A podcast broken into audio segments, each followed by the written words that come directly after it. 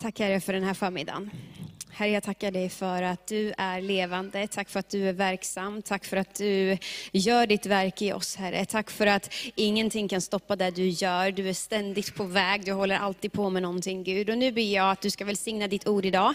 Jag ber att ditt ord ska komma till liv.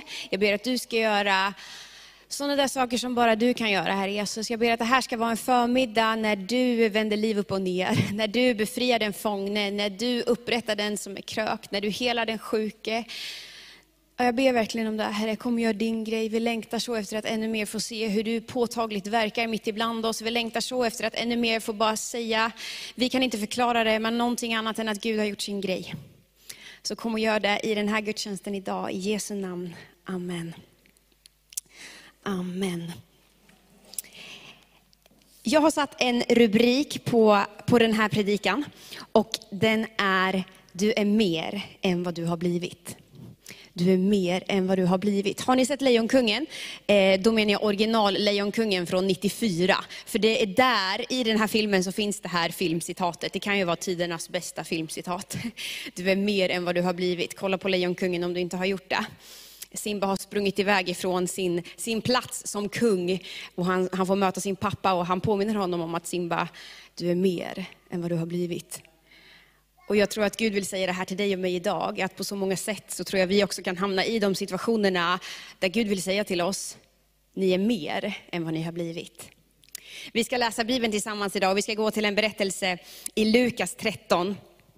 Där får vi möta en kvinna som upprättas rent fysiskt, men i sitt upprättande så får hon också bli påmind om vem hon faktiskt är. Och hon får bli påmind om att hon är mer än vad hon har blivit. Så låt oss läsa, låt oss läsa Bibeln tillsammans. Vi går till Lukas kapitel 13 och den tionde versen. Då läser vi så här. En sabbat undervisade Jesus i en av synagogorna. Där fanns en kvinna som hade haft en sjukdomsande i 18 år. Hon var krokryggig och kunde inte räta på sig. När Jesus såg henne kallade han fram henne och sa till henne, kvinna, du är fri från din sjukdom. Och så lade han händerna på henne. Genast rätade hon på sig och prisade Gud. Men synagogsföreståndaren blev upprörd över att Jesus botade på sabbaten och han sa till folket, det finns sex dagar då man ska arbeta och på dem ska ni komma och bli botade, men inte på sabbatsdagen. Då svarade Herren honom, era hycklare. Lossar inte varenda av er sin oxe eller åsna från krubban på sabbaten och tar ut den och vattnar den. Men den här kvinnan, en Abrahams dotter, som Satan har hållit bunden i 18 år, skulle inte hon bli fri från sin boja på sabbatsdagen? Vid de orden skämdes alla hans motståndare, men allt folket jublade över allt det underbara som han gjorde. Det här är ju en så häftig händelse.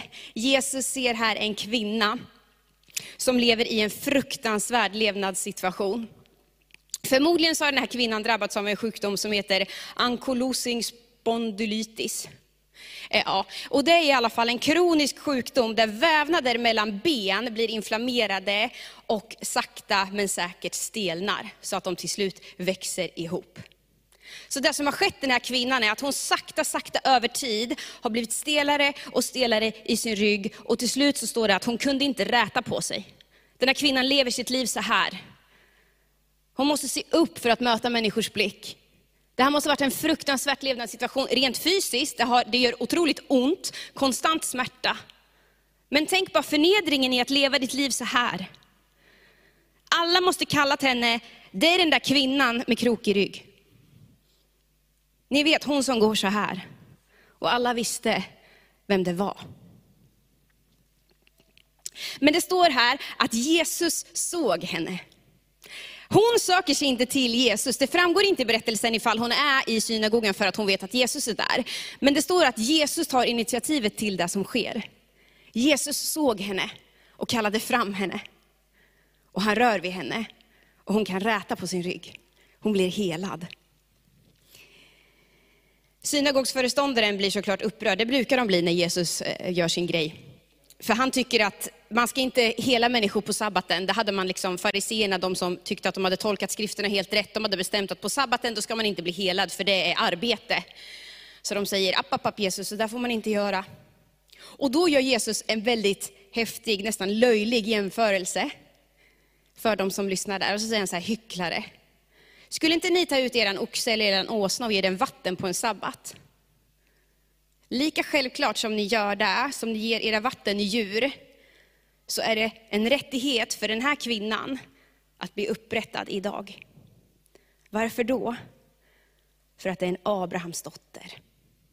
Alltså Jesus, jag tycker det här är så häftigt, låt mig förklara. För Jesus han helar henne rent fysiskt. Hon blir upprättad, hon kan sträcka upp sin rygg. Men så säger han också någonting om vem hon är, som är väldigt avgörande. Han säger någonting om hennes identitet. Han säger, det här är en Abrahams dotter, alltså ett Guds barn. Och för att hon är ett Guds barn så har hon samma rätt att bli upprättad på en sabbat som en åsna har, åsna har rätt att få vatten. Så självklart är det för Jesus att den här kvinnan som är Guds älskade barn idag ska bli fri från sin plåga.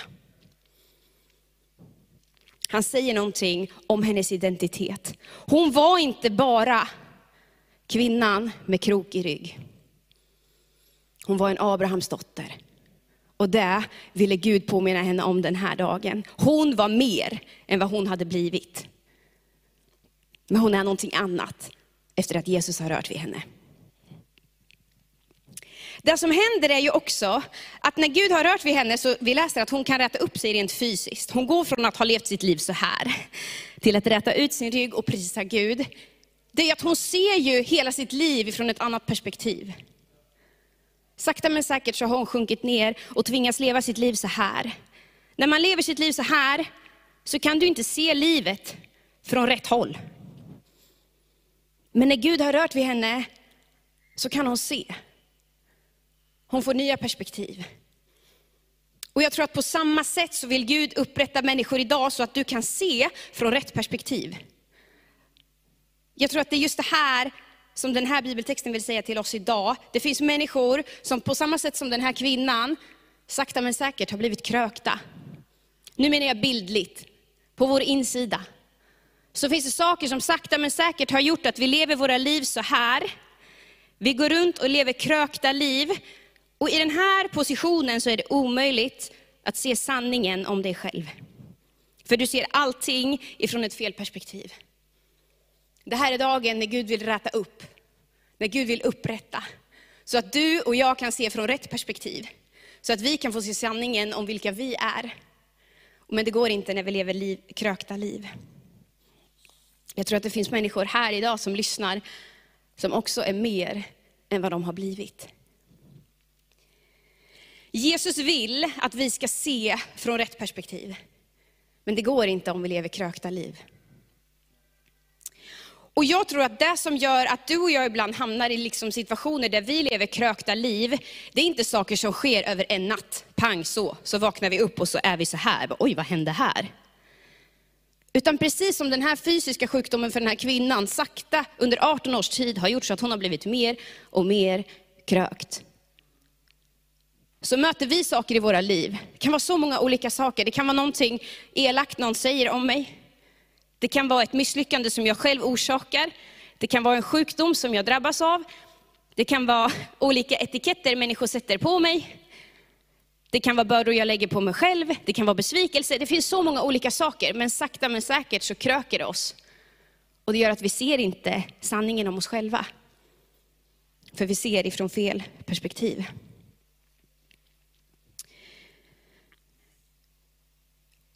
Och när vi har hamnat i de här krökta situationerna så är det inte alltid lätt att ta sig ur dem. Vi har ju väldigt lätt tyvärr för att sätta etiketter på varandra. Tycka och tänka saker om varandra. Han är sån, hon är den där. Han är den som alltid gör så där, eller hon är den som gör så där. Och vad lätt vi har tror jag för att också döma varandra och tycka att vi får skylla oss själva för saker som har hänt oss. Låt oss bli bäst på att ge människor en ny chans.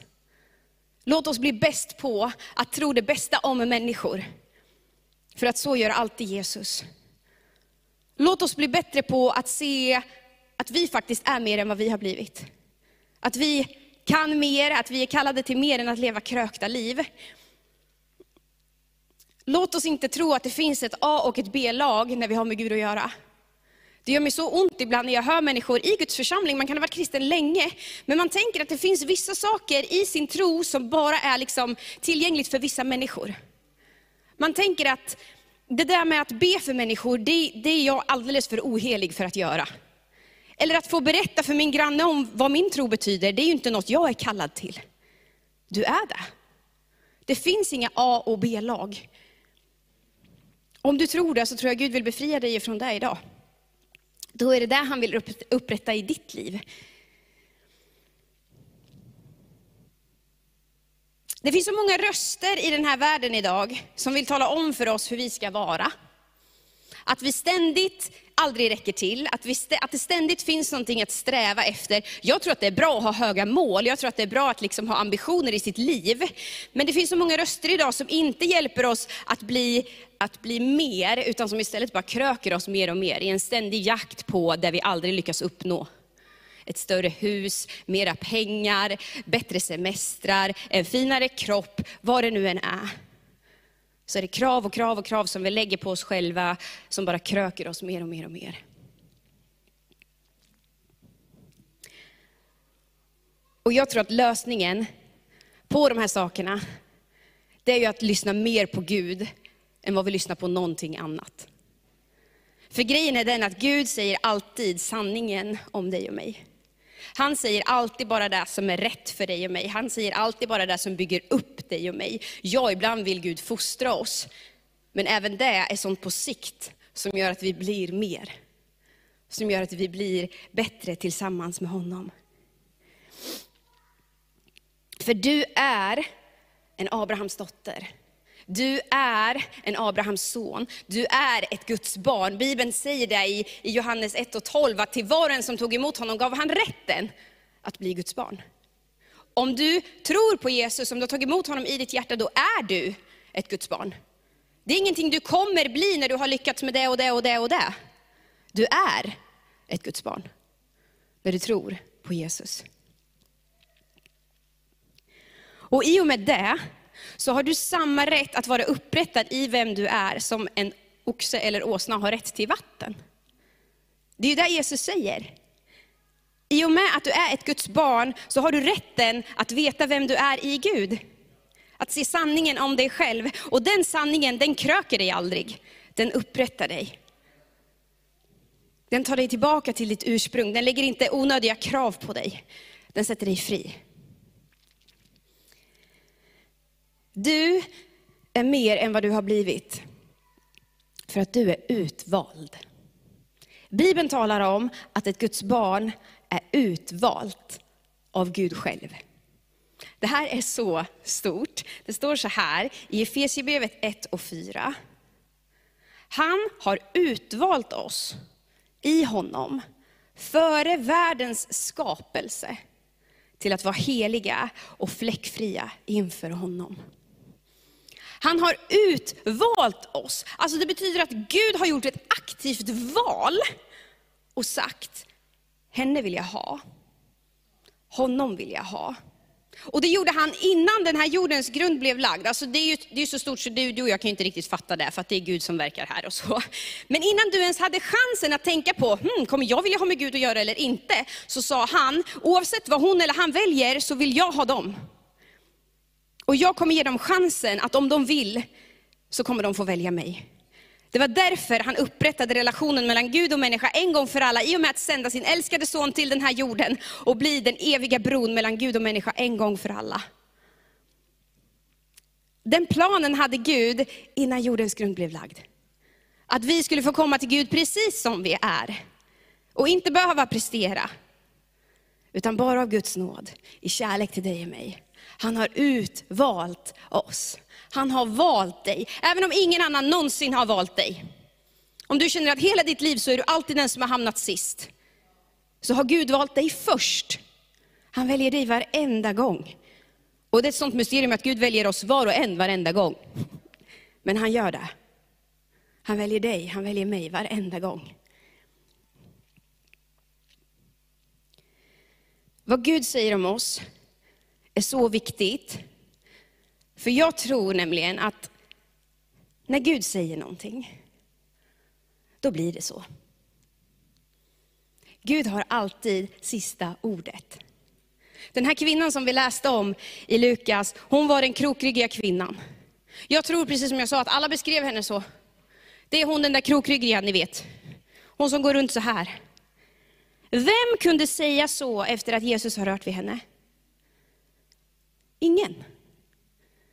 För att ja, hon kanske var den krokryggiga kvinnan. Men när Gud har gjort sin grej i hennes liv så är hon inte där längre. Hon är en upprättad Abrahams dotter. Hon är någonting annat för att Gud har talat. Och det här har jag så starkt fått uppleva i mitt liv. För att så här var det att 2015, det är ganska länge sedan nu, så drabbades jag, eller drabbades, jag gick igenom en, jag blev diagnostiserad med en ätstörning.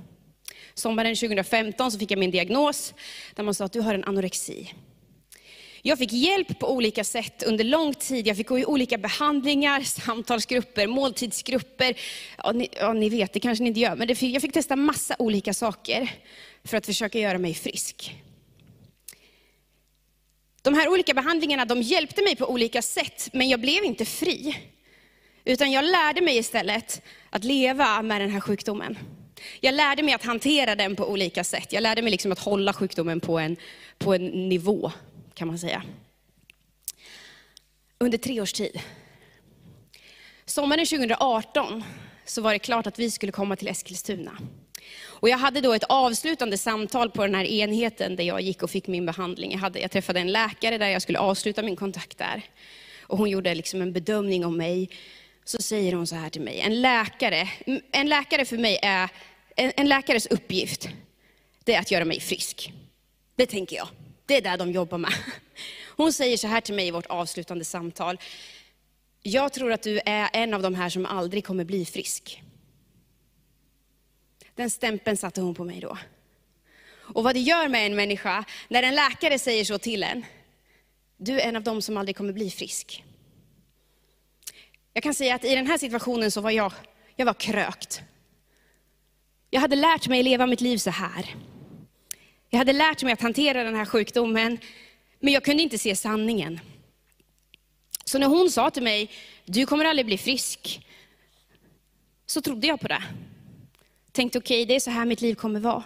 Tack gode Gud så hade jag människor runt omkring mig som såg sanningen om mig. Tack gode Gud så hade jag Gud med mig som sa, spelar ingen roll vad den där läkaren har sagt för att jag har sista ordet. Och grejen är den att jag står här idag och jag är inte på den platsen där den där läkaren var, där jag var när hon sa sådär till mig. Det finns fortfarande situationer som jag tycker är svåra ibland, det ska jag liksom inte säga. Men jag är fri ifrån den platsen där hon sa, du kommer aldrig bli frisk. Och jag tackar Gud för det idag, för jag vet att jag hade aldrig tagit igenom mig det här utan Gud. Jag kunde inte se sanningen om mig själv, jag kunde inte se vem jag var. Jag trodde att allt jag var, var vikten på en våg. Men det fanns människor runt omkring mig som sa, Malin du är mer än de där siffrorna. Du är mer än vad du har blivit. Och Gud har gjort en process i mig där han har upprättat mig. Och jag vet att utifrån det så kan Gud upprätta dig idag. Det finns ingenting som Gud inte kan göra. Ibland gör Gud precis som han gjorde med den här kvinnan. Hon blev upprättad så här. Det sa bara pang. I mig har Gud gjort en process. Och vi kan inte bestämma var och hur Gud ska göra. Men vi kan inbjuda honom att komma och göra sin grej. Gud har upprättat mig och han har hjälpt mig att ta av de där falska etiketterna som jag hade lagt på mig av olika slag. Och jag tror att det är exakt det Gud vill göra i ditt liv idag. Oavsett vad det är som kröker dig. Det kan vara saker som du själv har lagt på dig själv, som du har orsakat dig själv. Och det kan ju bidra med massa skuld och skam som gör att bara av all skuld och skam man bär på så lever man sitt liv så här. Oavsett om det är det eller om det är andra saker som människor har gjort dig, så kan Gud befria dig ifrån dem idag. Han kan inleda en process i ditt liv idag, där du ska få leva ditt liv upprätt. Där du ser sanningen om vem du är och där du får se att du är mer än vad du har blivit. Det handlar om att låta Gud definiera vilka vi är. Att låta honom säga sanningen om oss. Inte saker som har hänt oss, inte vad den här världen säger om oss, utan om att låta Guds röst vara den högsta rösten i våra liv. Att låta honom ha den första platsen och det sista ordet. För jag tror att du lyssnar på det här som är mer än vad du har blivit. Och jag vill säga till dig att du är mer än andra människors besvikelse på dig. Du är mer än ditt misslyckade äktenskap. Du är mer än ditt dåliga samvete mot dina barn. Du är mer än ditt missbruk. Du är mer än din sjukdom. Du är mer än du är mer än dina ekonomiska problem, du är mer än dina dåliga betyg i skolan, du är mer än vad du har blivit. För att du är ett Guds barn. Och oavsett vad som har hänt dig, oavsett vad du har orsakat dig själv eller vad andra människor har orsakat dig, så kan ingenting rubba vem du är. Den här kvinnan var krökt, men hon var trots det en Abrahams dotter. Ingenting som händer oss förändrar vilka vi är. Det kan göra att vi inte ser det på samma sätt, men det förändrar aldrig vem du är. För du är Guds älskade barn, du är utvald, älskad och dyrbar i hans ögon och det kommer du alltid att vara. Och jag är övertygad om att Gud vill upprätta dig idag. Jag kan inte lova dig hur och vad Gud kommer göra i ditt liv, men jag vet att han vill inleda en process i ditt liv. Och det du och jag kan få göra, det är att låta Gud kalla oss till sig. Precis som den här kvinnan. Det står att Jesus kallade henne till sig. Jag tänker att där och då hade hon ett val. Det var massa andra människor där. Och Jesus säger, du. Han kanske också sa, du som är krokryggig. Kom. Kom fram. Och hon vågade komma fram. Tänk om det här ska vara dagen när du vågar komma med det som kröker dig till Gud. När du vågar inleda en process där han får börja verka i dig, där han får börja räta upp dig. För att du är värd och du har rätt att leva ditt liv upprätt. Där du kan se sanningen om dig själv, där du kan se sanningen om vem du är. Där du kan se att du är utvald av Gud och att ingenting, oavsett vad som kommer möta dig i livet, förändrar vem du är eller ditt värde. Jag kommer avsluta den här predikan med att sjunga en sång tillsammans med Gabriel för er. Och jag skulle bara vilja att du under den här sången lyssnar på de här orden som Guds ord till dig och ber. Om du vill att han ska inleda en process i ditt liv just nu, så bara be att han ska göra det. Be Gud, ta mig tillbaka till vem jag är. Låt mig se sanningen om mig själv. Lämna all kontroll till Gud och låt hans ord om dig bli sanningen för dig.